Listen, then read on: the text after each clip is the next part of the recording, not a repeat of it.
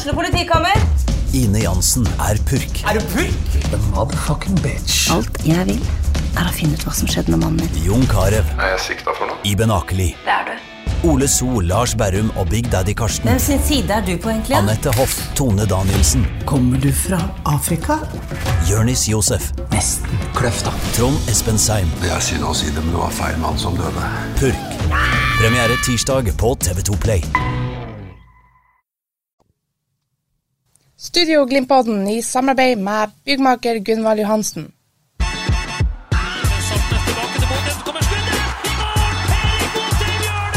It's more difficult for us than for Bodo Blo- boys.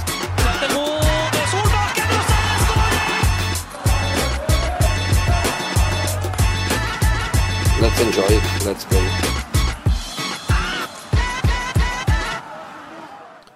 Velkommen til en ny episode av Studio Glimt-podden. Mandag var en mørk, mørk dag for mange Glimt-supportere, for ikke å si alle Glimt-supportere. Freddy Thoresen. Det ble tap i slaget om Nord-Norge. Et slag som vi, vi har vel knapt sett maken til oppladning, i hvert fall i Tromsø, på veldig lenge. Det var ordentlig fyring. Glimt kom til kort, 3-2. Eh, først, hvordan eh, vurderer du prestasjonen og kampen Glimt leverer i Tromsø? Nei, jeg er jo fryktelig skuffa. Eh, jeg syns det var eh, veldig, veldig tamt. Og eh, Bodø-Glimt reiv fikk De første minuttene var veldig sånn rar. Det er 6700 mennesker på Alfheim. Det er god stemning. Hjemmelaget er litt avventende. Glimt får ball, ruller fra side til side, bearbeides. Men det ble bare, bare balldytting. Ingenting skjedde, ingen initiativ ble tatt. Det var litt sånn tamt, passivt, avventende. Og så eh, begynner jo Glimt å gjøre litt feil, og så klar Tromsø-spillerne. Altså Førstemålet til TIL er på en måte for meg et, et, et, ganske kraftig bilde. Jeg mener det er Anders Jensen, som ikke er verdenskjent for å være god og tre baller opp i mellomrom når det er litt trangt. Han klarer av alle ting rett foran trynet på pressebenken på Alfheim å tre ballen opp i retning August Mikkelsen, som er en meget god fotballspiller. Mikkelsen får et dårlig mottak. Patrick Berge to-tre meter eh, unna, eller for seint, eller i feil posisjon i forhold til å stoppe August Mikkelsen. Marius Høybråten har mulighet til å støte opp og vinne ballen fordi at mottaket til Mikkelsen er for dårlig. Han velger å rygge. Marius Lode dratt ut litt til sida, så der er plutselig et rom som ingen Det kommer i hvert fall ikke av god bearbeidelse fra tilspillerne. Så rygger da Høybråten. Marius Lode strekker litt til sida. August Mikkelsen får plass, tid og rom. Lasse Nordås, tredjevalget på topp i Glimt-angrepet, kommer på et fantastisk løp i boksen. Får pasninga perfekt vekta fra August Mikkelsen og hamrer inn sitt første mål eh, for TIL. Egentlig ut av ingenting. Og for meg er det der bildet på hele kampen, altså. Eh. Det er jo mange poenger du er innom der. Um, August Mikkelsen klarte jo ikke Glimt helt å få tak på eh, i mellomrommet, syns i hvert fall jeg. Patrick Berg liksom som henter hjem og skal, liksom, han skal trygge midtbanen defensivt, og så er det liksom det er Berg som er nærmeste mann, og Mikkelsen får vende opp og sette fart mot forsvarsfireren. Og Det, det er sånn symptomatisk, og selvfølgelig er det Lasse Nordås som løper gjennom. Tredjevalget, som du sier, han så ikke ut som den tredje dårligste spissen på Alfheim, eh, søndag i hvert fall. Nei, han Setter inn 1-0. Ja, helt klart. Eh, Nordås var bevegelig, Nordås var på anklene til Glimt-stopperne. Ja, han had- har mange små eh, Ja. altså, Litt sånn som det skal være i et arbeid, da. Ja, det er sånn det skal være i et arbeid. Og du, jeg så jo Jeg så en Glimt-spiller som viste spisse albuer og litt ufine takter, og han spilte dessverre for TIL. Sånn skal det jo ikke være. Nei, for det er òg noe som har vært diskutert sant, blant Glimt-supporterne i etterkant av kampen. Så mange som skrev det på Twitter og Facebook. Også. hvordan går det an å troppe opp til et derby med den oppladninga som har vært, og så blir det så flatt? Og så er, kanskje, ja, de har vært i Nederland og kanskje hadde utladning, men sist helg så får de jo Altså, de bør jo være revansjelysten. Det bør jo ikke være noe med motivasjon her. Nei, og, og det, det, det, det er det som skuffer oss. Det var flatt. Og, og for meg, altså, de, de første 80 minuttene så er det altså 3-0 til TIL, og jeg syns ikke TIL var, var voldsomt imponerende. Og det er bare å se på den bakre treeren til, til TIL med Jostein Gundersen, Kristoff Syrké og, og Anders Jensen. Han Syke han er ikke noe hurtigtog, men de hadde jo stålkontroll i alle dueller. De ble ikke, på en måte utfordra på noen ting som de er svake på. Så, og det, det skuffa meg forferdelig. Og, og, Joel Mvuka, som har vært veldig, veldig frisk på høyrevingen til Glimt over tid, syns jo det begynner å bli ei stund siden han viste det han har vist på sitt beste. og uten Amahl Pellegrino så har vi ikke den trusselen som man ønsker på, på venstre, selv om Albert Grønbæk klarte seg bra i Eindhoven, så var han jo nesten uh, usynlig etter min vurdering på Alfheim.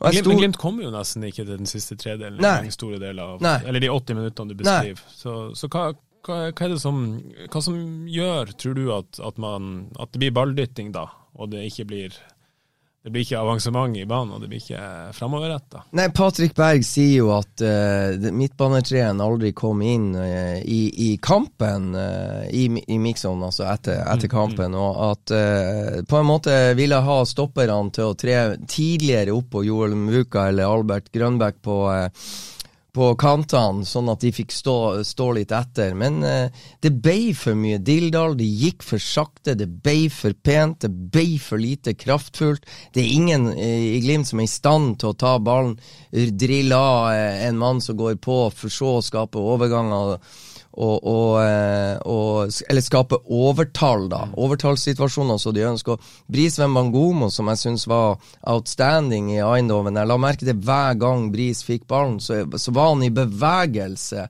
fremover før han fikk ballen. Det er jækla vanskelig å klare det, men han klarte det uhyre mange ganger etter pause, spesielt i, i Eindhoven. Og det er du skal ha litt baller og være litt tøff i trynet før du begynner å sette fart fremover før du får ballen, for da skal du på en måte få kontroll over ballen mens du er i fart.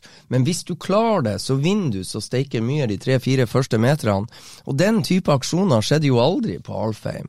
Mm. Så nei, det var tynt, tamt, passivt. Og en annen ting var jo at jeg skulle ha ønska jeg hadde sett mer frustrasjon, mer irritasjon, mer sinne, mer aggressivitet i mix-zone, også etter kamp, men også mm. der syns jeg det var litt sånn der flatt.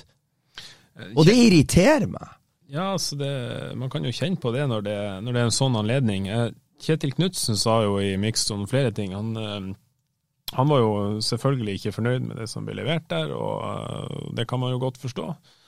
Eh, men så var han jo inne på en ting som, um, som i hvert fall jeg sjelden har hørt han ta opp. Det er du som står i intervjuet han, og du spør uh, hvordan kan det her skje. Altså, så er han jo inne på det her med I Eintoffen, sier han vel, så, så valgte jeg det laget som var klart for å gå ut. Jeg er ikke helt sikker på at jeg gjorde det i dag. Det er jo de samme elleve.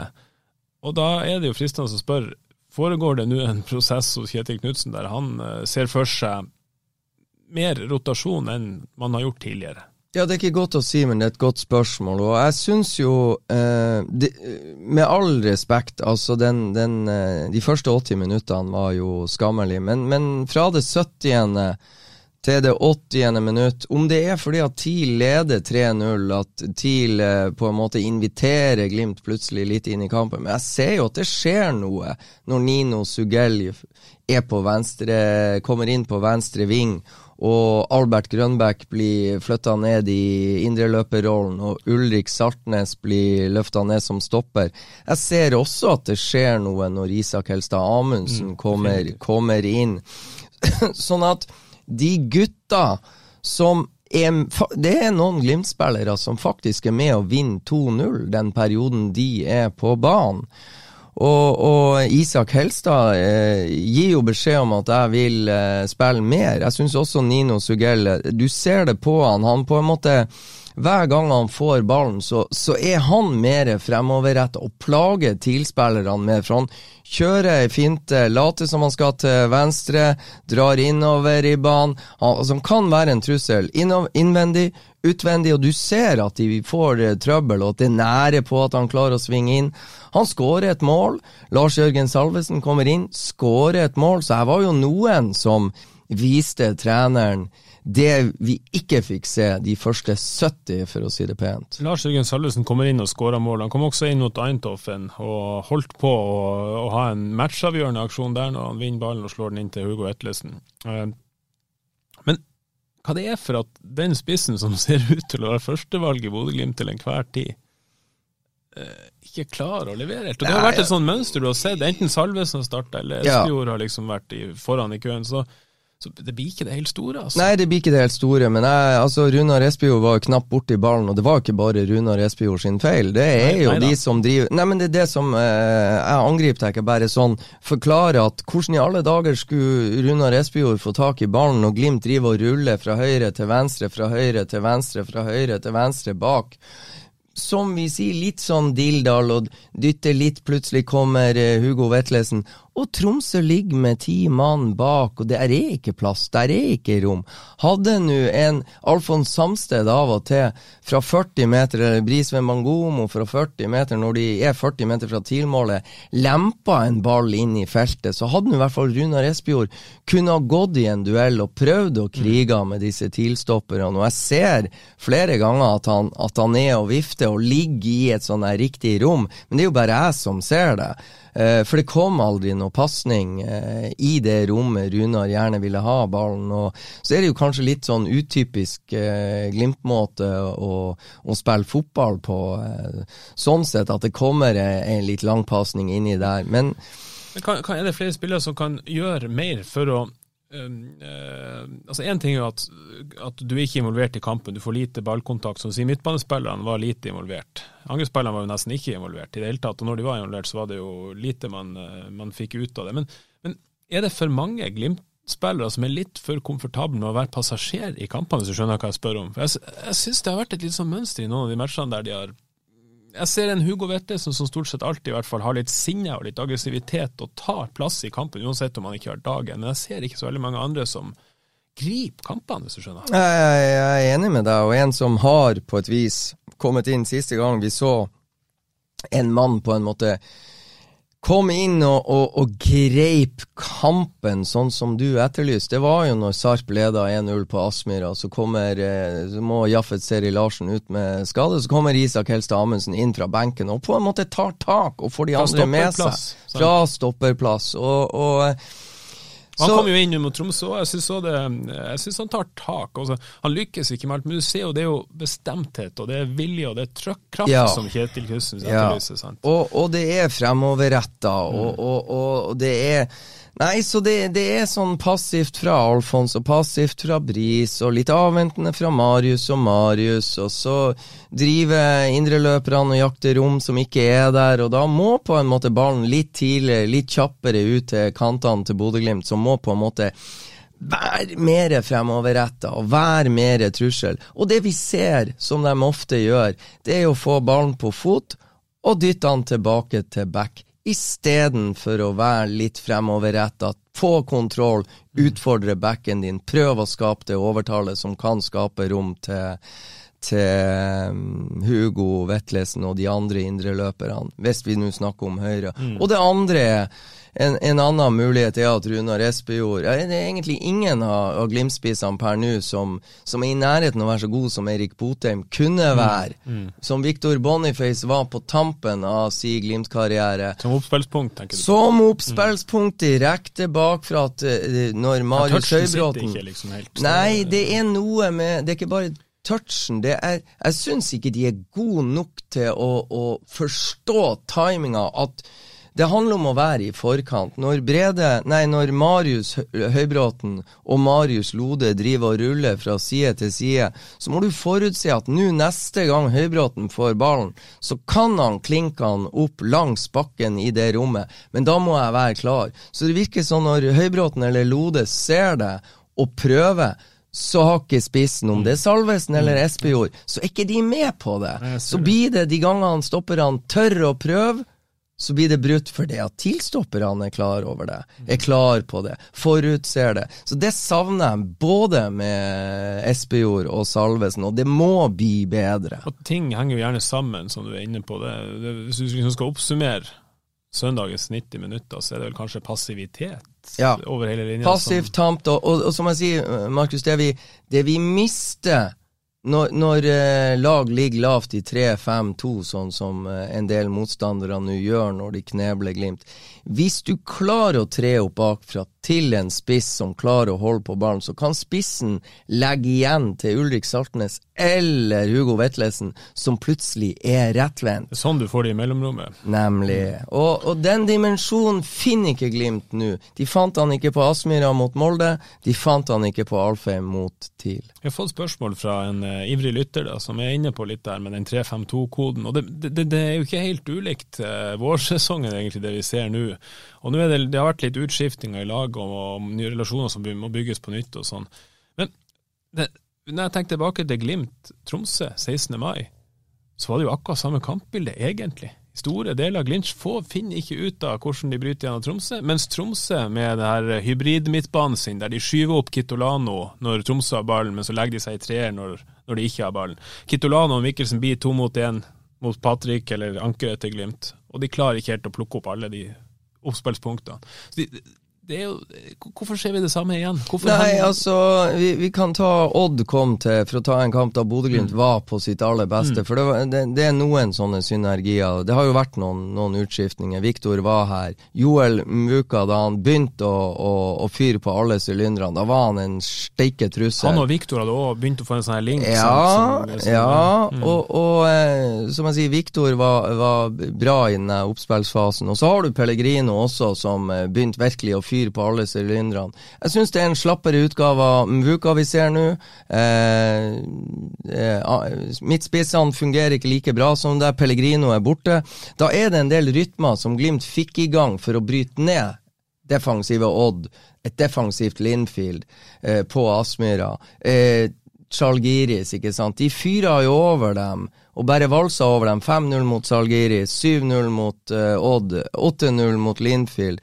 Da da klikka det for, for Bodø-Glimt, og, og, spesielt Odd, da, som er den sammenligninga. De får to mål før, og da har ikke Odd noe plan B. ikke sant? Da blir det steike vanskelig. Så det handler ofte i sånne kamper så der får du førstemålet. Eh, da, da, har du på en måte en knekt en slags kode, for da må Molde gjøre plan B. Men så lenge Tromsø og Molde og den type lag som spiller 3-5-2 mot Bodø-Glimt, får førstemålet, da sliter Glimt veldig. For da har da har Molde og TIL og andre fått det akkurat sånn som de vil. Og da blir Glimt stående og rulle. Mot Odd får Glimt første målet, de får andre målet, og Odd har ikke noe plan B, og bare, de bare valser over dem maskinmessig. Men grunnen til at de De sa jo sjøl at de var i ferd med å knekke kodene på akkurat det da de fyra på alle sylinderne. Nå er det en del av nøkkelbrikkene som ikke er på banen. Og så er det kanskje den, det litt nøling i relasjonen. Skal jeg slå denne ballen? Som du sier, skal spissen møte, når skal han møte? Og, det, og Glimt spiller jo en krevende fotball. Ja. Det er veldig krevende å få det til å fungere. Når det fungerer på sitt optimale, så er det nesten umulig å stå imot. Men når det ikke fungerer på sitt optimale, så ser det litt tamt, passivt, nesten litt hjelpeløst ut til tider. Eh, fordi at det er veldig krevende. De velger ikke den letteste måten. Nei. Og Salgiri, som du trekker fram. 5-0-kampen som kanskje er årsbest, i hvert fall helt oppe der. Ja, imponerende. Altså, Sammenlign de første 20 sekundene av Salgiris og de første 20 sekundene på søndag. Ja. Det handler jo også om hvordan Glimt går ut, og ikke bare hvordan motstander går ut. Ja, helt klart. Det, men, eh, men, det her er klart, de kommer til å møte dette. Og de har møtt det. De har møtt det i 2021. Men i 2021 så har du altså, Eller i 2020, da, hvis du møter et sånt lag Nå var ikke lagene like obs på Glimt, men møter du et sånt lag, og du har Filip Sinkernagel, Jens Petter Hauge og Kasper Junker, så finner de en eller annen åpning. Det er akkurat det, og det er jo spillere med en enorm X-faktor. Og, og, den X-faktoren er jo da borte, og du hadde flere, ikke sant. Jens Petter Hauge var en døråpner. Kasper Junker slurer spiss Finnduke. Philip Sinkernagel som, som, ruller opp 19 mål og over 20 assist, ikke sant. Mm. Det er jo helt hinsides. Det er jo bare, det er jo bare at den type spillere, når de, når de gikk på vannet som de gjorde i den sesongen der, så var det bare å gi de ballen, så fant de ut et mm. eller annet. Det var, og ikke minst var det enorme. Motstanderen torde jo bare knapt å se på de. Så, men, men, men er Glimt for systemavhengig nå, og for enkel dermed å, å demme opp for? Akkurat nå, ja. Eh, men jeg tror det er jo systemet som har, eh, som har brakt dem eh, dit de er, og har, har eh, sørga for at de har disse millionene på bok osv. Så, videre, og så, videre. så jeg, det blir feil å angripe systemet. Men det som er, det som er men, forunderlig ja, Dårlig spørsmål, men var, altså, var, det mer rom, var det mer rom for å være leken bryte ut av systemet? En, det, det, er fort, det, er fortsatt rom for å bryte ut av systemet, og det, var det, som er, det er jo det som er styrken. Kjetil Knutsen lar dem bryte ut av systemet, men du må ha spillere med selvtillit, med kraft og trua på seg sjøl, som tør å gjøre det. Altså Det er ikke alt etter boka det Isak Helstad Amundsen gjør, men han dundrer på.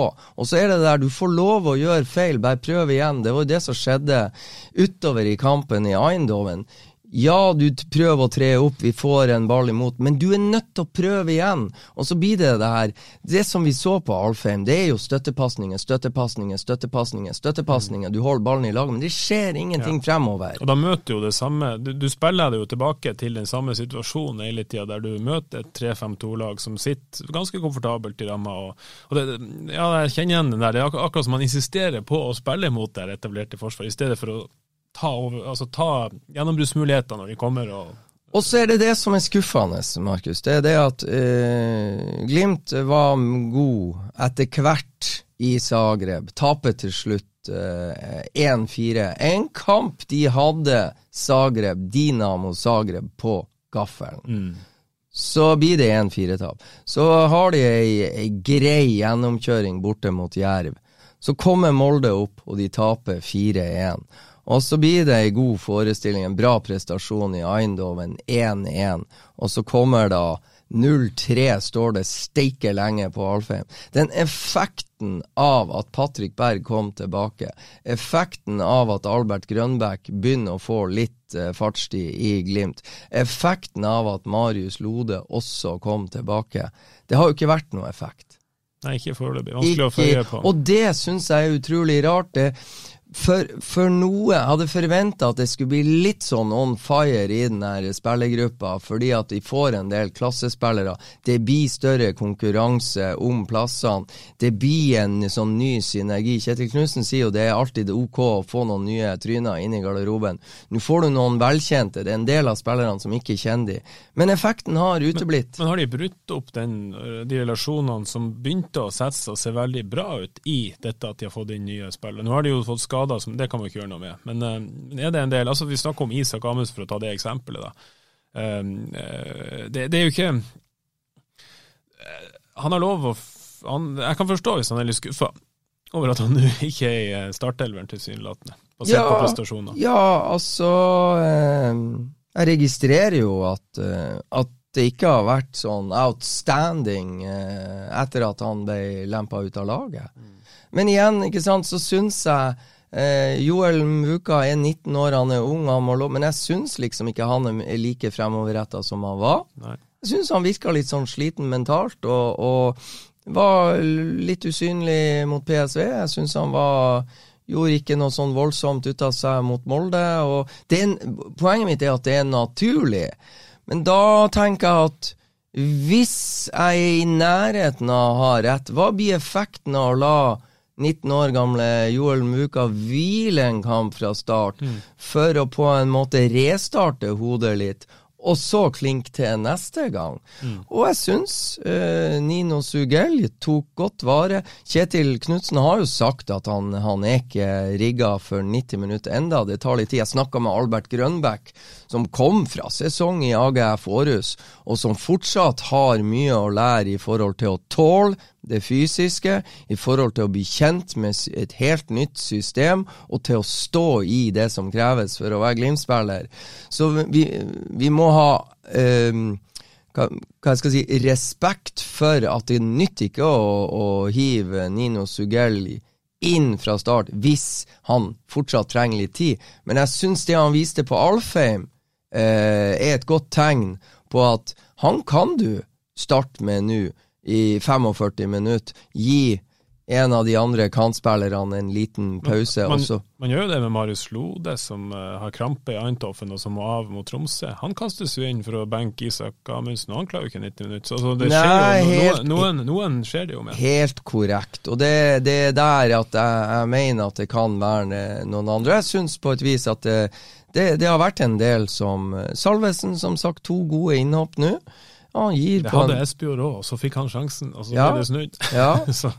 men, men, men, men, igjen, ikke sant. Både Salvesen og Espejord er avhengig av at spillet foran dem, eh, eller ja, spillet altså, De ja. andre klarer å skape de overtallene de, de eh, er avhengig av. Og, og, mm. men jeg syns det er en del spillere som, som, gir treneren de svarene jeg tror treneren søker. Altså, mm. Salvesen viser at han vil ha mer spilletid. Isak viser det hver gang han kommer inn. Også i Eindhoven, etter en litt tøff start, så rister han det av seg. Så begynner han å ta ballen med seg forbi ledd og tar de overgangene og, og de rommene som hjemmelaget gir Bodø-Glimt. Og Nino Sugell nå. Glimt har jo vist seg de siste årene, hvis det er en ting som har kjennetegna de kanskje, i tillegg til den tydelige identiteten, så er det jo evnen til å, å, bli utsatt for en ny test. En tøff test, ta læring og liksom progresjon. Og det er kanskje det jeg har vært mest imponert av, den her mentaliteten. Den her fryktløsheten, den her uh, vinnerskallementaliteten som er bygd opp, kulturen sant, i Glimt. I år så har man tapt en cupfinale. Man har spilt en hjemmekamp mot Rosenborg som er slapp og som ender 2-2. Man uh, man har tapt imot Zagreb med et ganske godt utgangspunkt, i hvert fall hvis du ser hvor man, altså hvor man var i andre omgang i den kampen. Det er en nøkkelkamp. Man taper seriefinalen mot Molde, eller i hvert fall siste håp om å lage spenning i serien mot Molde. Og man taper slaget om Nord-Norge når det bygges opp. Det minner jo litt om Glimt i 2016, 2017, 2018. Da det var sånn at når det var fullt på Aspmyra, ja, så tapte Glimt. Ja, vet du, det er et, et kjempegodt resonnement, og det er noe Altså, de har tapt alle de her Store De har tapt mange nøkkelkamper. Ja. De har tapt mange nøkkelkamper i serie og i Europa. Uh, og i cup. Ja, helt klart. Um, og så blir det det som, det som i 2020 og i 2021, så nesten hver gang Glimt gikk på banen, så visste jeg hva jeg kom til å få se. Ja, du tenker på prestasjon? Ja, prestasjon, mm. kjenne igjen, og, og, jeg var ikke nervøs i det hele tatt, for jeg, jeg visste hva jeg fikk se. I år så har jeg ingen anelse. Jeg syns det blir på en måte Bunnivået er på et helt annet plan? Ja, men, ja ikke bare det, men, men, men uh, jeg kan Jeg aner ikke hva Jeg aner ikke hva jeg får av Bodø-Glimt på torsdag. Jeg, har ikke peiling. Og det, det, samme var det når de snudde i år, etter en litt sånn mm. rusten periode i mai, ikke sant. Og så, det, de fyra jo ikke på sylinderne før de dro på treningsleir i Danmark. Og så sitter jeg i USA og ser dem tape 1-0 for Linfield, og ja, de mente det var en ganske OK kamp. Jeg tror jo pinadø ikke det jeg ser når jeg ser de mot Linfield etter at jeg kommer tilbake til Norge på Aspmyra, og så får jeg den pro propagandaforestillinga 8-0. Mm. Jeg kunne ikke forutse at de skulle være så gode. Jeg kunne ikke Klaksvik borte òg, som kommer etter en kamp som er avgjort, egentlig. Altså, det kommer mye sånne rare uttaler. Ja, du, jeg vet ikke hva jeg får. Jeg er spent. Eh, jeg er veldig spent. Jeg håper mot Molde. Jeg kunne ikke, i min villeste fantasi, drømme om at jeg skulle få se et Molde-lag som var så mye bedre enn Bodø-Glimt. Jeg ble positivt overraska mm. utover i kampen mot PSV Eindhoven. Og så blir jeg sjokkert over det jeg ser på Alfheim. Det er vanskelig å finne et sånn mønster, egentlig, ja. i, det. det sant, jeg finner ikke noe mønster, jeg finner ikke noe trend, eh, trend. Og hva jeg får se på torsdag, jeg har ikke peiling. Har ingen anelse. Jeg håper jo at jeg skal få se en helt annen utgave av Patrick Berg. En helt annen utgave av Ulrik Saltnes. En helt annen utgave av Bodø-Glimt. Jeg har ikke peiling. Det blir i hvert fall spennende. Ah, Studio Glimpodden i samarbeid med byggmaker Gunvald Johansen. It's more difficult for us than for Bodo Boys. Freddy, vi har jo veldig eh, engasjerte supportere som hører på oss, eh, i hvert fall til en viss grad, virker det som. Eh, og vi får en del innspill.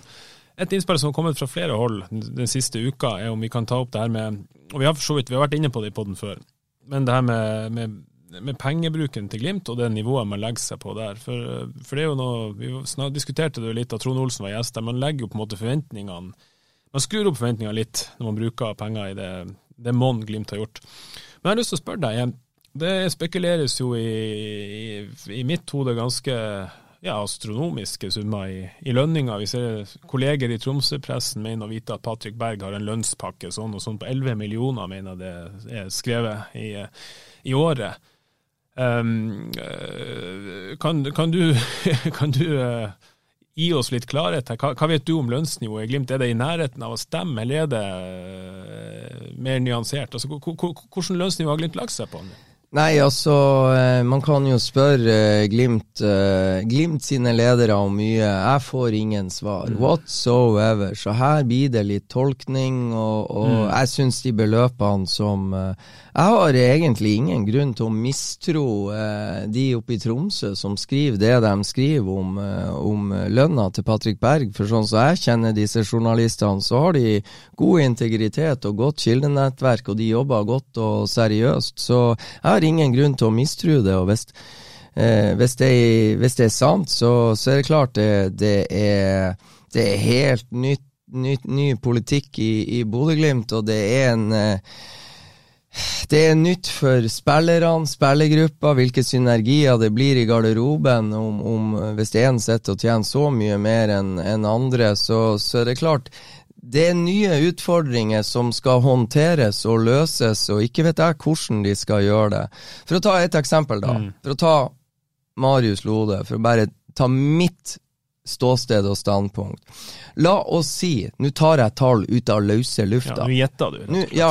ja. Nei, jeg tar et eksempel. Hvis Marius Lode har fått et sign-on-fee hos Bodø-Glimt på fem millioner Med sign-on-fee så mener du da eh, rett og slett en engangssum for å, bare for å signere kontrakten? Sant? Ja. Altså, ja en, det er ikke en fast lønnsavtale, en engangssum? En engangssum for å signere for Bodø-Glimt. La oss si at, som jeg sier, ta et tall, fem eller seks millioner for å signere en fireårskontrakt med Bodø-Glimt. Han signerte tre og et halvt, med opsjon på et fjerde. Altså potensielt fire og et halvt. Da er det sånn, ikke sant, om Marius Lode får seks millioner rett i lomma for å signere en fire og et halvt årskontrakt med Bodø-Glimt, det er meg klin likegyldig. Bodø-Glimt måtte betale 12-13-14 millioner til Strømsgodset for å få signert 26 år gamle Lars Jørgen Salvesen. Bodø-Glimt har fått så mye penger nå at hvis, eh, hvis Bodø-Glimt skal hente en stopper av Marius Lode sitt kaliber, så kan det fort være at de La oss si de hadde hatt lyst på Gustav Hvalsvik i Strømsgodset, og det, han har de ikke lyst på, men la oss si at de hadde hatt lyst på han. Så kunne de ha risikert å betale 12 millioner for Gustav Hvalsvik for å få lov å gi han en kontrakt. Hvis de da gir 6 millioner i sign-on fee til Marius Lode, istedenfor å betale 12 millioner til en annen klubb for å få en stopper som de har lyst på i fire og et halvt år, så lever jeg steike godt med det. Fair game. Fair det samme, game. Ja. Seri Larsen kan koste fem. Nei, kanskje mindre. Altså, Nå, no, sånt. Ja, men altså, for å illustrere. Ja, ja. Og, og, og da, da, blir det liksom Da er jeg villig til å Ja, det kommer an på hvordan du regner det. Hvis du mm. regner det inn i årslønna og deler det på kontrakten, så blir det astronomisk årslønn for Marius Lode og eller Patrick Berg. Men akkurat sign on fee, sånn som situasjonen er for Glimt nå, hvor de antageligvis, hvis de skal hente en spiller i Norge, bare fordi at det er Bodø-Glimt eller Molde som er ute etter den spilleren, så forlanger de andre klubbene dobbel pris av det som egentlig er reell markedsverdi. Mm. Fordi at klubbene vet at Bodø-Glimt eller Molde har råd til å betale dette. Og i sånne eh, tilfeller så mener i hvert fall jeg det er innafor å bruke sign-on fee, om det går til spiller eller selgende klubb. Det er erstatning for en overgangssum som du uansett måtte ha betalt. Og da kan ja. du på en måte Men det er ikke det i, i Patrick Berg-tilfellet, da. Nei. Altså vet ikke, Jeg aner ingenting om hvordan det er bygd opp, disse 11 millionene, hvis de, hvis de er ja. Det kan jo være noe av dette som er sign-on-fee, det kan være noe av dette som er ut, altså bonuser som blir utløst av det ene og det andre. Det vet vi ingenting om. Vi vet heller ikke så veldig mye om nivået. Vi får ikke, får ikke gode svar fra Glimt, i hvert fall. Nei, og det, og det. Men, men, er ikke det en annen situasjon, da, hvis du bruker ja, 30 millioner på Grønbekk, eller hva det er på Berg, og så skal vi liksom ha lønninger på det nivået. for det gjør jo noe med dynamikk. Ja, det gjør, det gjør, noe med dynamikk, og det er kunnskap uh, Bodø-Glimt som klubb og de som jobber i Bodø-Glimt aldri har Altså, de er på upløyd mark for egen del, og, skal, og, og, det er jo ting som tyder på at de har begynt å kjøre det løpet her, og da da må de lære fort, for det kan oppstå nye synergier som aldri har uh, vært diskutert, som jeg sier, i, i Glimtsdalen før, og det blir det blir interessant å se hvordan de løste det. Og jeg skulle gjerne visst, eller vi skulle gjerne kunne ha presentert en uh, nakne sannhet for våre lyttere, men uh, jeg har uh, Det eneste jeg har hørt om Patrick Berg, skal ikke si kilden Jeg tror jo ikke han signerte for Bodø-Glimt med tanke på å være her i fem år. Jeg tror at det kan være snakk om ut denne sesongen, ut 2023.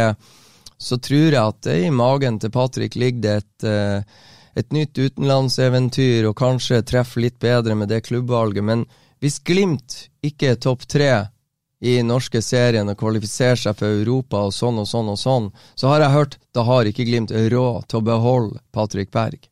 Ja, Det er jo ganske drastisk det du sier der, i så fall. Eh, det er jo forskjell på Sjuende, Sjuendeplass i serien, da har man ikke råd å ha han så kjempelangt. Det er eksempelet jeg har hørt. Ja, Det blir vel neppe sjuendeplass i serien. Men, Nei, det, klart, men det du men sier, det, er at det er avhengig av prispenger sant, og hva man får inn, og, ja, og, og Europacup neste år. Tror, og, ikke ja. sant, og, og, det som gjør at regnestykket til Tromsø-journalistene kan være uforholdsmessig høyt, og det her Altså Hvis Glimt tar seriegull så blir det mye penger i bonus til Glimt-spillerne. Da får Glimt som eh, klubb inn 25 millioner. De 25 millioner i premiepenger går ikke rett til, til klubben. Da, da, har spillerne forhandla seg frem til at hver og, og yes, samtlige skal ha en bonus, og den potten er stor. Så hvis du i 2020 og 2021 så har Glimt-spillerne tjent relativt godt fordi at de har vunnet to seriegull, fordi at de har kvalifisert seg inn i Europa. De har også kvalifisert seg inn i et gruppespill i Europa League nå. Jeg tror Bodø-Glimt sine spillere har fått en del av den potten allerede. Og så er det for hvert poeng de tar nå i Europa League, så er det også bonuspenger. Mm. Og det syns jeg på Så er det på en måte hvor stor og mm. høy er bonusene, og hvordan er disse bonusene klassifisert, og hvor høy er grunnlønna? Ja, og så har du jo, som du var inne på i stad, relativiteten i det. sant? Hvor, hvor, store forskjeller er det i garderoben? For det har jo vært en sånn policy Glimt har hatt siden de var i økonomisk ufør, omtrent. Ta, ta, en, ta, en, ta, et annet regnestykke. Jeg ser de, de prisene fra dansk media om hva, mm. hva Albert Grønbæk koster Bodø-Glimt. Ok, de kommer inn i Europa nå. Kanskje en sum til AGF Århus. Men hvis ikke de kommer topp tre i 2022, så kan det jo hende det er et beløp de har forhandla seg frem med AGF Århus som ikke blir betalt. Mm. Så, så, du kan jo si jo dårligere det går for Bodø-Glimt, jo mindre penger blir og, og, jo lavere blir den overgangssummen. ikke sant? Så det, det steiker mange måter å regne ut det her på. Ja, da, det er jo derfor du får én historie hvis, uh, fra én kilde som sier at Salvesen koster 16 millioner, og så sier noen andre at den koster 10, og så ja. er kanskje sannheten et eller annet sted imellom der alt ettersom. Det, det, er ikke helt, det vet ikke vi helt. Ja, så syns jo jeg at, at uh, altså det må med i utregninga her. Hvis Bodø-Glimt tar seriegull, hvis Bodø-Glimt vinner Europa League så skal det mye penger til AGF Århus for overgangen til Albert Grønberg. Ja ja, det vi vet da, de pengene har jo Glimt. Mm. For å si det rett ut. Så mm. det er jo Ja, Men eh, det er jo en forskjell på å bruke 100 millioner på å kjøpe spillere eller betale sign on fee på spillerne, og det å legge på store beløp i, i kostnadsbasen. Ja. Og som du sier, det er der du kommer inn på hva skjer da, ja. hvis hvis det ikke blir europaspill, som du sier, er det sånn at Patrick Bergs helles til vinteren? Det er jo det som blir interessant å se, ja. hvordan, uh, hvordan, det utspiller seg der. Det, det, er mye som er interessant, ikke sant. Det vi, vi har sagt det før, ikke sant. Uh, Alfons Samsted har ikke forlenga, Nikita Aiken har ikke forlenga, Ola Solbakken har ikke forlenga, de går kanskje gratis. Hvis Hugo Vetlesen fortsetter å spille sånn som han gjorde borte mot PSV Eindhoven, så er det jo mulig at det kan komme et bud inn på han til Bodø-Glimt etter sesongslutt 2022 og da er jo dilemmaet da har Hugo ett år igjen av kontrakten, ut 2023. Skal vi sette oss i den situasjonen vi er nå, med Alfons, Ola og Nikita, eller skal vi cashe inn på Hugo mens vi kan? Mm. Det er jo avgjørelser Glimt må avveie og ta og uh, i det hele tatt. Jeg vet ikke hva slags og Det er jo en ny verden, som du sier. Sant? De her avveiningene her, de er jo ikke enkle. Og det er jo ikke en klubb som uh, har vært i dette gamet i 30-40-50 år, som kan liksom irrgang. Altså, det er jo veldig mye nytt her også for organisasjonen i Glimt. Helt klart. Og, og, uh, og så, så som du var inne på i resonnementet ditt, tror jeg, Markus, at, at uh, nå er Bodø-Glimt i Europa. Vi får se. De har uh, fem kamper igjen. Vi får se hvor mye de klarer å spille inn av kroner og øre i løpet av disse fem kampene. Vi får se hvor de havner hen i Eliteserien eh, 2022. Det danner jo da grunnlaget for Altså, kommer de ikke, kommer de ikke Hvis de kommer eh, fjerdeplass eller lavere, ja, da får de ikke muligheten til å kvalifisere seg inn i Europa i 2023. Da må de jo ta en liten restart i regnskapene sine og se, og da blir det ekstra press på Bodø-Glimt i seriesammenheng 2023.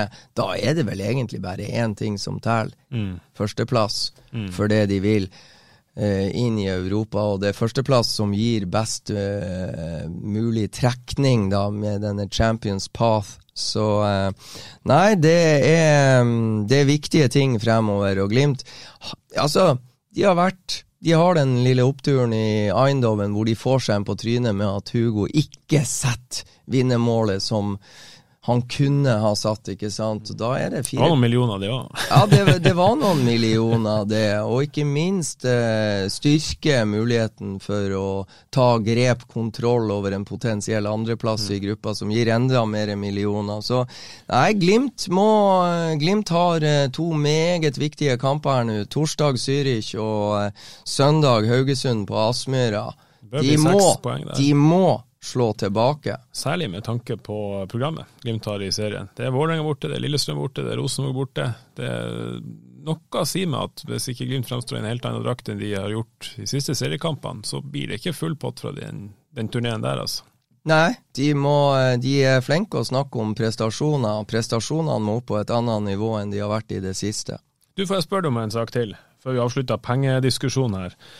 Eh, du var på Heidis i Tromsø og lada opp til eh, match. Det var, på det tidspunktet var det veldig god stemning i Glimt-leiren. Eh, da var også Inge Henning Andersen gjest. Eh, Du, han, du stiller han spørsmål om på en måte har man, ja, jeg husker ikke helt ordlyden, men de her 100 millionene, 110, hva det er for noe. Den, den overgangs, overgangspotten man har, har brukt da i sommer. Og Inge Henning kommer med et forsvar som jeg har hørt og sett i forskjellige drakter i Glimt-leiren, eh, og der han egentlig sier at jo, men vi spiller torsdag, søndag, torsdag, søndag, vi trenger stall. Det jeg lurer på da, er jo hvorfor spiller de samme elleve torsdag, søndag, torsdag, søndag, hvis vi har brukt 100 millioner på denne stallen vi trenger?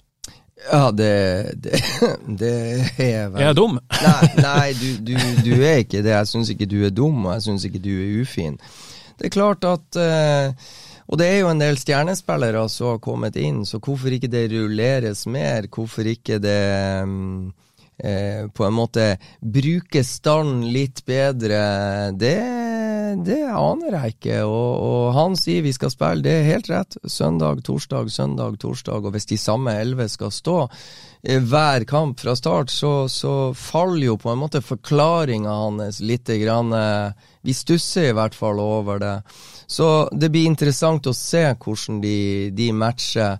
Men igjen, da er det ekstremt viktig at de som ikke får start, at de gjør som Isak Amundsen gjorde på Alfheim, at de gjør som Nino Sugelli, at de kommer inn og på en måte prøver å, å gi beskjed om at de vil eh, make an impact underveis. Og jo flere som gjør det, så får vi se om, om, eh, om eh, det blir mer rullering. Og så er det det der med, med samhandlinga som har vært en av Glimt sine styrker. Og, og jeg tenker at Ja, det er en balanse, det der. ja, altså. det, det er det, og jeg tenker at eh, Jeg vil jo tro at Amahl Pellegrino kommer tilbake. Jeg vil tro og håpe at Olav Solbakken faktisk kommer på banen. Og jeg tenker for Olav Solbakken sin del, skal han få en best mulig kontrakt med den klubben han signerer for etter sesongen, så tror jeg det er smart av Olav Solbakken og hans agenter han at matcher. Olav Solbakken viser på banen for Glimt at han er on fire, sånn som han var da interessen fra Napoli og Roma dukka opp. Det begynner å bli lenge siden, vet du. Det begynner å bli lenge siden han har spilt fotball, og jeg tror jo mer fotball han spiller fra nå av og ut, jo bedre blir eh, hverdagen hans i den klubben han eventuelt signerer for. Det er det ene. Og det betyr jo enda mer diskusjon om hvem som skal spille. Og så vår felles favoritt Brede Beckenbauer blir eh, skadefri og skal inn i de bakre rekker. Hva gjør de da?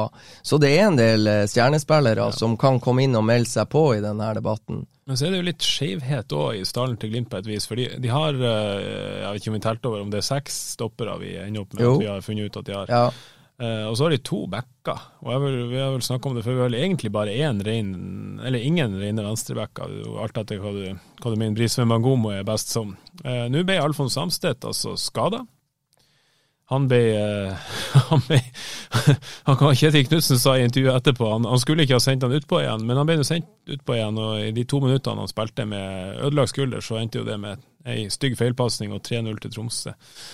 Um, hva, altså Ja, og det er, det, det, det, det er godt det du sier der, og så er det ikke sant, det tok to-tre minutter, og sånn, og da har du, da har du da har du ett av to. ikke sant? Skal du ta han ut med en gang? Problemet er at du, du må på en måte Det tar gjerne to-tre Men, men hvorfor to, har de ikke flere backer i stall? Jo, nei, det, jeg er helt enig. Jeg er helt enig. Og de har prøvd å kjøpe backer. De prøvde Isak Mete fra Ålesund, og han valgte. Og de, de, de sier Håvard Sakariassen sier at ethvert overgangsvindu er fleksibelt. Og det de jobber med i inngangen til sesongen, kan materialisere seg ved når, når, overgangsvinduet igjen åpner etter 2022-sesongen. Men, men, de har visst at de trenger en venstreback ja, siden i fjor sommer, ja, ja. når Fredrik Børkan bestemmer seg. Jeg skal ikke være med videre. jo, men de, mener, de mener sjøl at de fant venstrebacken sin i Bris Wembangomo. De er villige til å gi han tid, men nå er problemet de har ikke noe backup. Og da må jeg bare si jeg priser meg lykkelig over at Morten Ågnes Konradsen fra Bodø endelig er blitt skadefri.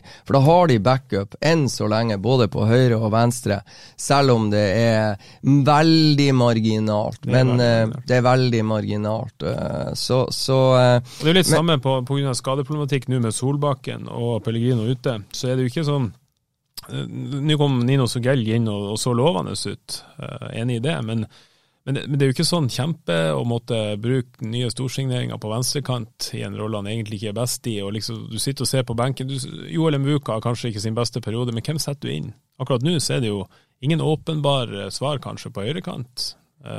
Nei, når de gutta du nevner skada, så er det de lånte ut Gilbert Komson. Og vi kan vel med all respekt melde oss forstå at de låner ut Gilbert Komson. For ja, han har fått sjansen i Bodø-Glimt, vi har sett det flere ganger. Men han er jo ikke den som har på en måte tatt vare på sjansen, og den vi diskuterer. Hvorfor i svarte får ikke han starte mm. neste kamp? Så jeg syns jo det er naturlig på et vis at de tynner ut i, i uh, i kantspillerrollen. Og så kan det jo slå. Det her er vanskelig, den mm. logistikken.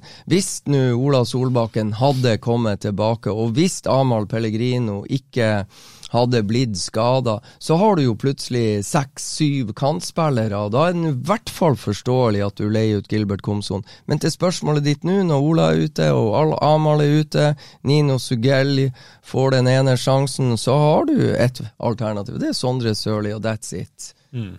Og så, har de Og så må ikke glemme at uh, hvis nå denne Lukas Kuber på 18 år har enorm utvikling i løpet av den nærmeste måneden, så har du jo en venstreback der. Så, så, de prøver å tenke to tanker. De har bare ikke klinka til og betalt 12 millioner for en høyreback eller en venstreback. Det har de ikke gjort. Men jeg tror de har leita etter mange, og jeg tror prisen har vært for høy på Altså, Isak Mete hadde vært ei drømmesignering. Han velger Gråningen. Og så har de antageligvis vært på en del til, og der finner de ut at inngangsprisen er altfor høy til at vi velger å slå til. Og så leter de videre på nye caser. Ja, Nå driver vi litt spagat selvfølgelig her, vi diskuterer alt der. Vi, på den ene sida så problematiserer vi jo at de bruker 100 millioner eller så og så mye lønn, og på den andre sida så skulle vi gjerne ha en venstreback til. Men, ja, det liksom, ja. men, men, det er jo snakk om disponering. sant? Hvis du har 100 millioner å spille med, så ville jeg jo ha sagt, hvis du spurte meg før overgangsvinduet Ok, Glimt kommer til å bruke 100 millioner. Har de en jækelsk god venstreback etter overgangsvinduet, så hadde jeg jo satt huslånet og kjerringa og unger og alt på at mm. ja, det har de. Mm. Og det har de ikke nå. Vi skal se litt fremover og ikke bare se bakover i bakspeilet. Studio Glimpodden i samarbeid med byggmaker Gunvald Johansen. Slipper mot Solbakken, kjenner at vi, vi, vi er blitt irritert og forbanna, Freddy, og vi sitter her og Ja, det er deilig. Ja, det er jo litt godt. Det er jo sånn gode, gamle Glimt-følelsen, sant. Du sitter ja. på en mandag og faen hvor ræva de var. Det er jo lenge siden det har vært sånn. Ja, de var ræva, vet du.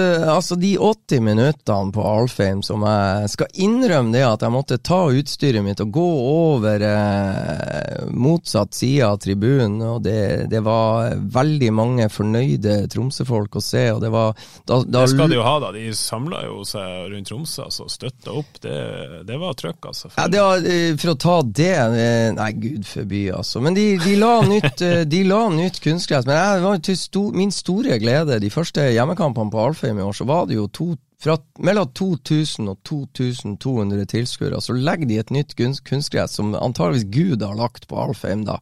For etter det så har de slått Sandefjord hjemme, de har slått KBK hjemme, de har slått Rosenborg hjemme, og de slo Strømsgodset hjemme, og så er de pinadø frekke og freidige og slår Bodø-Glimt. Så de har fem seire på Det må være kunstgresset, det har vi funnet det. Vi har funnet suksessfaktoren i tid. Eh, ja, og, og, og, og, det må jeg si. Måten Jeg tenker jo det at tromsøværingene endelig har tatt det fornuft, og de fikk se et de, de, de valfarta til Alfheim for å få se et uh, fantastisk fotballag fra Bodø. Det var jo så steike forbanna synd at uh, det fantastiske laget fra Bodø ikke møtte opp når 6700 tromsøværinger hadde kjøpt billett for å få lov å se på de. Så, uh, Og 600 Glimt-supportere. Ja, stakkars de. De kjørte bil. Andreas Trolig drar til fruen og sier hei, jeg, jeg han, eh, en eller annen kompis han kletter utafor. Jeg blir med til Tromsø, ikke sant. Og han er, eh, setter seg i bilen i lag med Ravna og kjører til Tromsø. Og det her er det de får servert. Ah, jeg syns synd i det. Og det var nå en han der Sigurd Gullhatt Støver. Han sitter og er går inn på sas.no og ser på flyet. Han bor i Oslo, ikke sant. Går inn på sas.no på søndag formiddag. Ja, dæken, det var ikke så dyrt. Hoppa på flyet, kommer inn på Heidis før jeg rekker å forlate Åse. Det var sånn ti minutter etter at vår livesending var over. Så kommer han inn og forteller at han rak inn på et fly her. og Nei. Rett fra Nederland, omtrent. Ja, rett i Eindhoven var han òg. Nei, så de Glimt-fansen, de, de, står på. De valfarter til Tromsø, de jobber hardt. og eh, Nei, det var trøstesløst, det de fikk se. Men de kan jo trøste seg med at det er jo den aller første Europa League-hjemmekampen noensinne i Bodø. Eh, torsdag kveld klokka 21 er det vel fort. Eh, da kommer altså Zürich på besøk. Eh, jeg skulle si, Vi snakker om høye lønninger. Jeg håper ikke noen Glimt-spillere finner ut at de skal flytte til Sveits og slippe å betale skatt. Men Glimt møter i hvert fall Zürich. Hvordan eh, altså hvordan jobbes det nå, tror du, sånn som du kjenner gjengen og Kjetil Knutsen, med å, å, nullstille og sørge for at den utgaven som vi er litt spent på eh, på torsdag, er den utgaven Glimt-supporterne ønsker å se? Nei, altså jeg spurte dem jo om det i Jeg syns Salvesen oppsummerte det fint i, i Mikson. Det handler om å restituere godt, spise godt, eh, søv nok, jobbing med video litt jobbing på trening. Mye blir det ikke. Ikke mye, nei. nei det, det, det, det, er ikke mye. Men de må eh, være nøye med de eh, delene av spillet som de velger å jobbe med på trening. Det kommer de til å gjøre. Det kommer til å være én og én med videobilder i angrepsleddet, i midtbaneleddet. Hvordan skal vi eh, få i gang? Hvordan skal vi være tålmodige? I tillegg så er det jo en forberedelsesfase hvor de skal studere og se på Zürich, hvordan de fremstår, hvordan de har vært i det siste. Og la meg si det sånn, om Bodø-Glimt har slitt i de fire siste kampene, så sliter torsdagens motstander, Zürich, dobbelt så mye som mm. det Bodø-Glimt har gjort. De tapte på nytt i helga. Jeg tror de tapte 3-2 borte, som Bodø-Glimt. Men det her er et lag som har to poeng i serien. De vant serien i fjor. De sesong. vant serien med 14 poeng. Jeg registrerte det at de avslutta sesongen i fjor med en uavgjort og to tap, og siden har det gått til helsike med Zürich, altså. Men så var det jo De var jo yppa seg mot Arsenal, da. Ja, de, det er jo litt sånn Bodø-Glimt-opplegg. De spiller i ja. Europacupen, så er de i nærheten mot Ikke et helt ikke et Arsenal med maks mannskap, men likevel er Arsenal. Og de, de har 1-1 helt uh, altså, Ja, de yppa seg mot, uh, mot et, et, et Arsenal-lag som jeg vil sammenligne med det mannskapet Mourinho kom med på Aspmyra for Roma i fjor. Det var et, et, et B-prega Arsenal-lag, men jeg har jo snakka med de som så den kampen, at Okita, en kantspiller på Zürich, er rask, har vært i Nederland, Nick mange sesonger. Mm. Skåra to mål for øvrig i helga. og fikk rødt kort, to gule. Han kommer til Aspmyra, for det der må sones i hjemlig serie og ikke i Europa. Så Har vel en nordmann vi ikke det? I, eh, Ole i Selnes, og det kan jeg si. Ole Selnes så jeg var så Rosenborg-treninga før Bodø-Glimt skulle møte Rosenborg på Lerkendal i en av de siste kampene i fjor. Og Rosenborg under ledelse av Åge Hareide skulle på en måte mure igjen når Bodø-Glimt kom. Og det var én spiller som stakk seg ut på den Rosenborg-treninga. Det var Ole Selnes. Han var klasseforskjell på han og de andre. Ja. Men han har ikke klart å make an impact i, i eh, dagens Zürich-mannskap. Og jeg mener, jeg sjekka det i går, jeg tror de har to uavgjorte i serien og seks tap. Og de tapte en kamp de var på høyde med Arsenal hjemme. Og var det én plass Zürich har bedre sjanse for å ta Arsenal, så er det jo hjemme enn borte på Emirates, tipper jeg de sjøl tenker. Så, så, Så det er all, alle grunner til å være offensiv i hodet i inngangen når Glimt-guttene springer ut på Aspmyra. Det er det, og så, så har Zürich et par meget fotrappe folk på topp. De er spissen som jeg ikke husker navnet på, og Okita. De, var, de skapte vansker for eh, Arsenal-forsvaret i Zürich. Men, men den gruppa der må ha eh, dårlig selvtillit etter de prestasjonene de har rada opp i serien. Og for meg er det ganske uforståelig at de vant serien med 14 poeng i fjor, og så ligger de med to poeng nå i år, for at jeg ser at det er en seks-syv spillere som spilte og starta de siste kampene i fjor. De er også med og spilt og starta de siste kampene. Så jeg, jeg, jeg regner med. Ja, det, det er i hvert fall De har i hvert fall ikke et helt nytt lag. Det er Mm. mange av de samme, så hvorfor de sliter sånn, det, det aner jeg ikke. Jeg har en, eh, en avtale med en sveitsisk journalist litt senere i dag. Jeg Kanskje han kan gi oss svar? ja, Florian Paz heter han. Han skal jeg prate med på telefon. Jeg skal gi han litt om Bodø-Glimt, og han skal gi meg litt om Zürich, og det blir jo kjempespennende. Det kunne jo faktisk vært sånn at Marius Lode var på banen for Zürich også, mot eh, Glimt nå på torsdag. Han Ja. var jo veldig aktuell eh, lenge der. Opptil flere ganger har han vært aktuell, ja. Um, Europacupen, seier mot Zürich på torsdag, da ser det veldig bra ut, lovende ut. Da da er jo sjansen stor for at Glimt i alle fall blir blant de tre beste. Og jeg vil faktisk si at sjansen er til stede da, for, eh, for å bli blant de to beste ut fra det vi så i Eindhoven også. Ja, altså det som var, var du, du er inne på noe. Tar de fire poeng Nei, fire poeng. Eh, har, de Har de fire fire, poeng, ja. har de fire poeng på konto etter at Zürich har vært på besøk. Så Glimt har muligheten til å ta et steike momentum i Europa League og på en måte legge bak seg det Alfheim-spøkelset i første forsøk. Eh, de har en unik mulighet. Det er et skadeskutt Zürich-lag som kommer, i hvert fall selvtillitsmessig, enda mer enn det Bodø-Glimt per nå er, velger jeg å tro. Men klarer de å gripe det momentumet her nå, så er det ingen tvil om, og det var mange nederlandske journalister jeg prata med som var meget opptatt av at dette er kampen PSV må slå Bodø-Glimt i. For de vil videre. De mener at Arsenal er, er i særklasse. PSV vil videre. De vil bli nummer to. Dette er kampen de skal vinne. De var til slutt heldige som fikk 1-1 mot Bodø-Glimt. De forventer at det blir steike mye tøffere for PSV å komme i siste kamp opp på Aspmyra, litt vinterlig, på kunstgress. Eh, Og nå har det- Glimt, Glimt har jo den kampen i gruppa nå, mot Ja, Zürich. Det, ja. den- det er jo den kampen man skal vinne. Ja. De andre kampene det er sånn, det kan du vinne, men det Ja. her er den kampen du skal vinne. Ja, helt klart. Um, og så er det seriekampen Haugesund til helga, og det er det som vi var inne på, det er et knalltøft program for Glimt. altså De bortekampene der er fæle å se på, eh, hvis du sitter og hopper på andreplass, tredjeplass. Det er Lillestrøm borte, det er tøft. Det er Vålerenga borte, som tapte i helga, men har sett bra ut i det siste. Det er Rosenborg borte, som Glimt de siste har plagdes med, og det er et bedre Rosenborg-lag enn de møtte i vår. Um, hvordan vurderer du sjansen for at Glimt får medalje, og er det, er det, er det et realistisk scenario at de ikke får det? Altså, Glimt har eh, Ja, det er realistisk, dessverre. Altså, det kan skje, som, som du sier. Altså, Nå sitter man jo og, og diskuterer fotball og matematikk og alt det her. her. Eh, Vålerenga borte er, er vanskelig. Rosenborg borte er vanskelig. Lillestrøm borte er vanskelig. Ja, i fjor vant Bodø-Glimt 1-0 borte mot Lillestrøm. Eh, Bodø-Glimt har slått Vålerenga i cupen allerede i år. Eh, Rosenborg Ja, vi får se. Vi får se hvor lett det blir for Rosenborg. Vi, Jeg, jeg tviler på at Rosenborg legger seg nedpå i 3-5-2 på eh, Lerkendal. Hvis det er det de gjør mot Bodø-Glimt, ja da, da, kan det fort bli ett poeng på, på Bodø-Glimt med seg fra Lerkendal. Hvis Rosenborg på hjemmebane tør under Rekdal og skal på en måte forsvare seg mot Bodø-Glimt.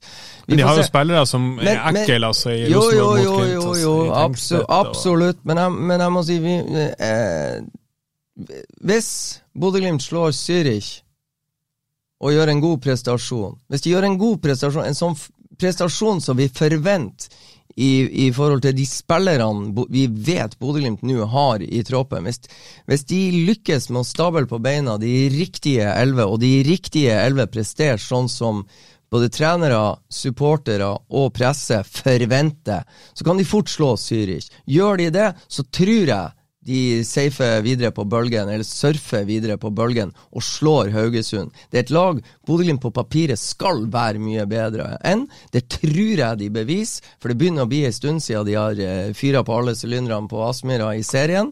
Eh, og så har vi en direktør som er glad i Glimt. Og da, og da tenker jeg, hvis de, hvis de, hvis de vinner disse to kampene så er jo stemninga i dette studioet en helt annen. Den samme stemninga tror jeg vil være en helt annen i Glimt-garderoben. Mm. Og da tror jeg at det kan være et slags momentum change med at Ola Solbakken kommer tilbake, Brede Beckenbauer kommer tilbake, for de går inn i en landslagspause. Pellegrino. Etter Haugesund. Amal Pellegrino. Da har Glimt skyts av en annen verden mm. og, og, og, kom med. Da kan de kjøre Da kan de kjøre Ola Solbakken på høyre, Amahl Pellegrino på venstre, og de kan holde på å herje big time. Og, og Espejord og eller Salvesen, som vil få bedre spilleforhold, enklere spilleforhold, når dette skytset er på hver sin kant. Og Så får du konkurransen da, i midtbaneleddet. Er det Grønbæk? Er det Hugo? Er det Ulrik? Hvem er det vi skal satse på?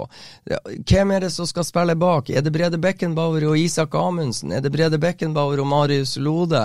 Hvem er det de stabler på beina? Og da tror jeg det blir lettere for både Brisveen Bangomo og Alfons Samsted å tenke én ting fremover.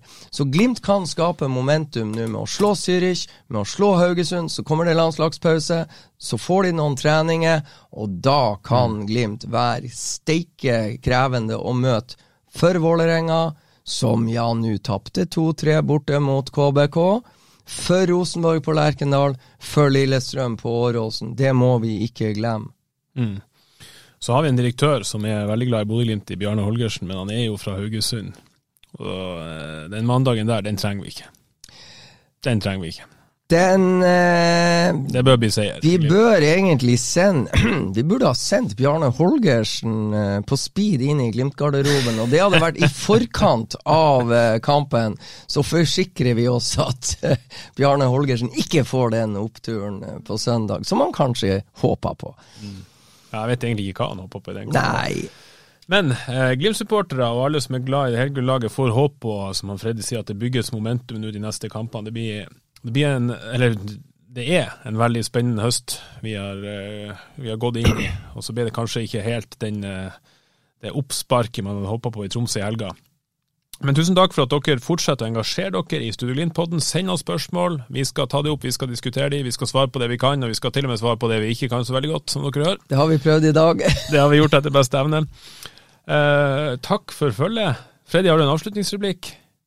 Nei, det blir utrolig spennende på, på torsdag, og, og, det er Jeg kjenner at jeg får litt sånn eh... ja, faen, det, folk, er så, det, altså, folk er jo så blasert. Folk er så blasert. Jeg snakka med folk jeg vet ikke om jeg gidder å dra på Zürich. Kom dere nå på kamp! Altså, Det er jo Zürich, det, det, er jo 8000 på Aspmyra. Hvor mange ganger skjer det i løpet av livene ja, til folk? Og... Europa League Nei, altså Pakk inn alt som kan pakkes inn, og gi bort billetten hvis ikke du skal. Kom på kamp, altså, herregud. Ja, for det som gir meg gåsehud bare å tenke på, det er et fullsatt uh, Aspmyr. Og der kan vi jo ha det skøy. Et fullsatt Alfheim tok bare 6007. Et fullsatt Aspmyra tar nærmere 8000, og det er en mektig opplevelse. Nesten uansett hvordan hjemmelaget spiller. For publikum i Bodø, J-feltet, supporterne og det unisome trøkket som kommer til å møte Zürich, det, det er faktisk deilig å oppleve og deilig å være til stede i en liten by som Bodø. At de samler 8000 mennesker og, og, eh, og fotballkamp i Europaligaen. Nei, der kjenner jeg glede av feber på meg. Altså. Ja, det blir en fantastisk opplevelse. Og så eh, må man bare krysse fingrene for at det blir enda flere opplevelser både utover høsten og til neste år, kanskje til og med. Ja. Takk for eh, følget, Freddy, og takk til følget til lytterne våre. Så er vi tilbake før dere aner det. Studio Glimpodden i samarbeid med byggmaker Gunvald Johansen. It's more difficult for us than for Bodo Boys. Ukens annonsør er HelloFresh. HelloFresh er verdens ledende matkasseleverandør og kan være redningen i en travel hverdag. Mange av oss har nok vandret i butikken både sultne og uten en plan for middagen, som ender med at vi går for de samme kjedelige rettene gang på gang. Middag burde være dagens høydepunkt. Som HelloFresh kan du nå velge mellom 25 ulike retter hver eneste uke, eller få HelloFresh til å sette sammen menyen for deg. Dette gir deg muligheten til å prøve nye og spennende retter alene eller sammen med familien. Du velger antall porsjoner og får alt levert på døren på et tidspunkt som passer for deg. Oppskriftene er enkle, og maten er lett å lage både for store og for små. Ved å få alt levert hjem får du også mer tid til å dele matgleden med familie og venner. Kanskje det frister med asiatiske tacos eller greskinspirert kylling? Da kan jeg anbefale deg om å gå inn på hellofresh.no. Her kan du bruke koden FOTBALL og få opptil 1779 kroner i rabatt på de første fem matkastene hvis du ikke har prøvd HelloFresh tidligere. Du kan også bruke rabatten hvis du har vært kunde og stoppet abonnementet ditt for tolv måneder siden eller lengre. Gå inn på hellofresh.no og bruk koden FOTBALL. Har du et enkeltpersonforetak eller en liten bedrift? Da er du sikkert lei av å høre meg snakke om hvor enkelt det er med kvitteringer og bilag i fiken, så vi gir oss her, vi. Fordi vi liker enkelt. Fiken superenkelt regnskap.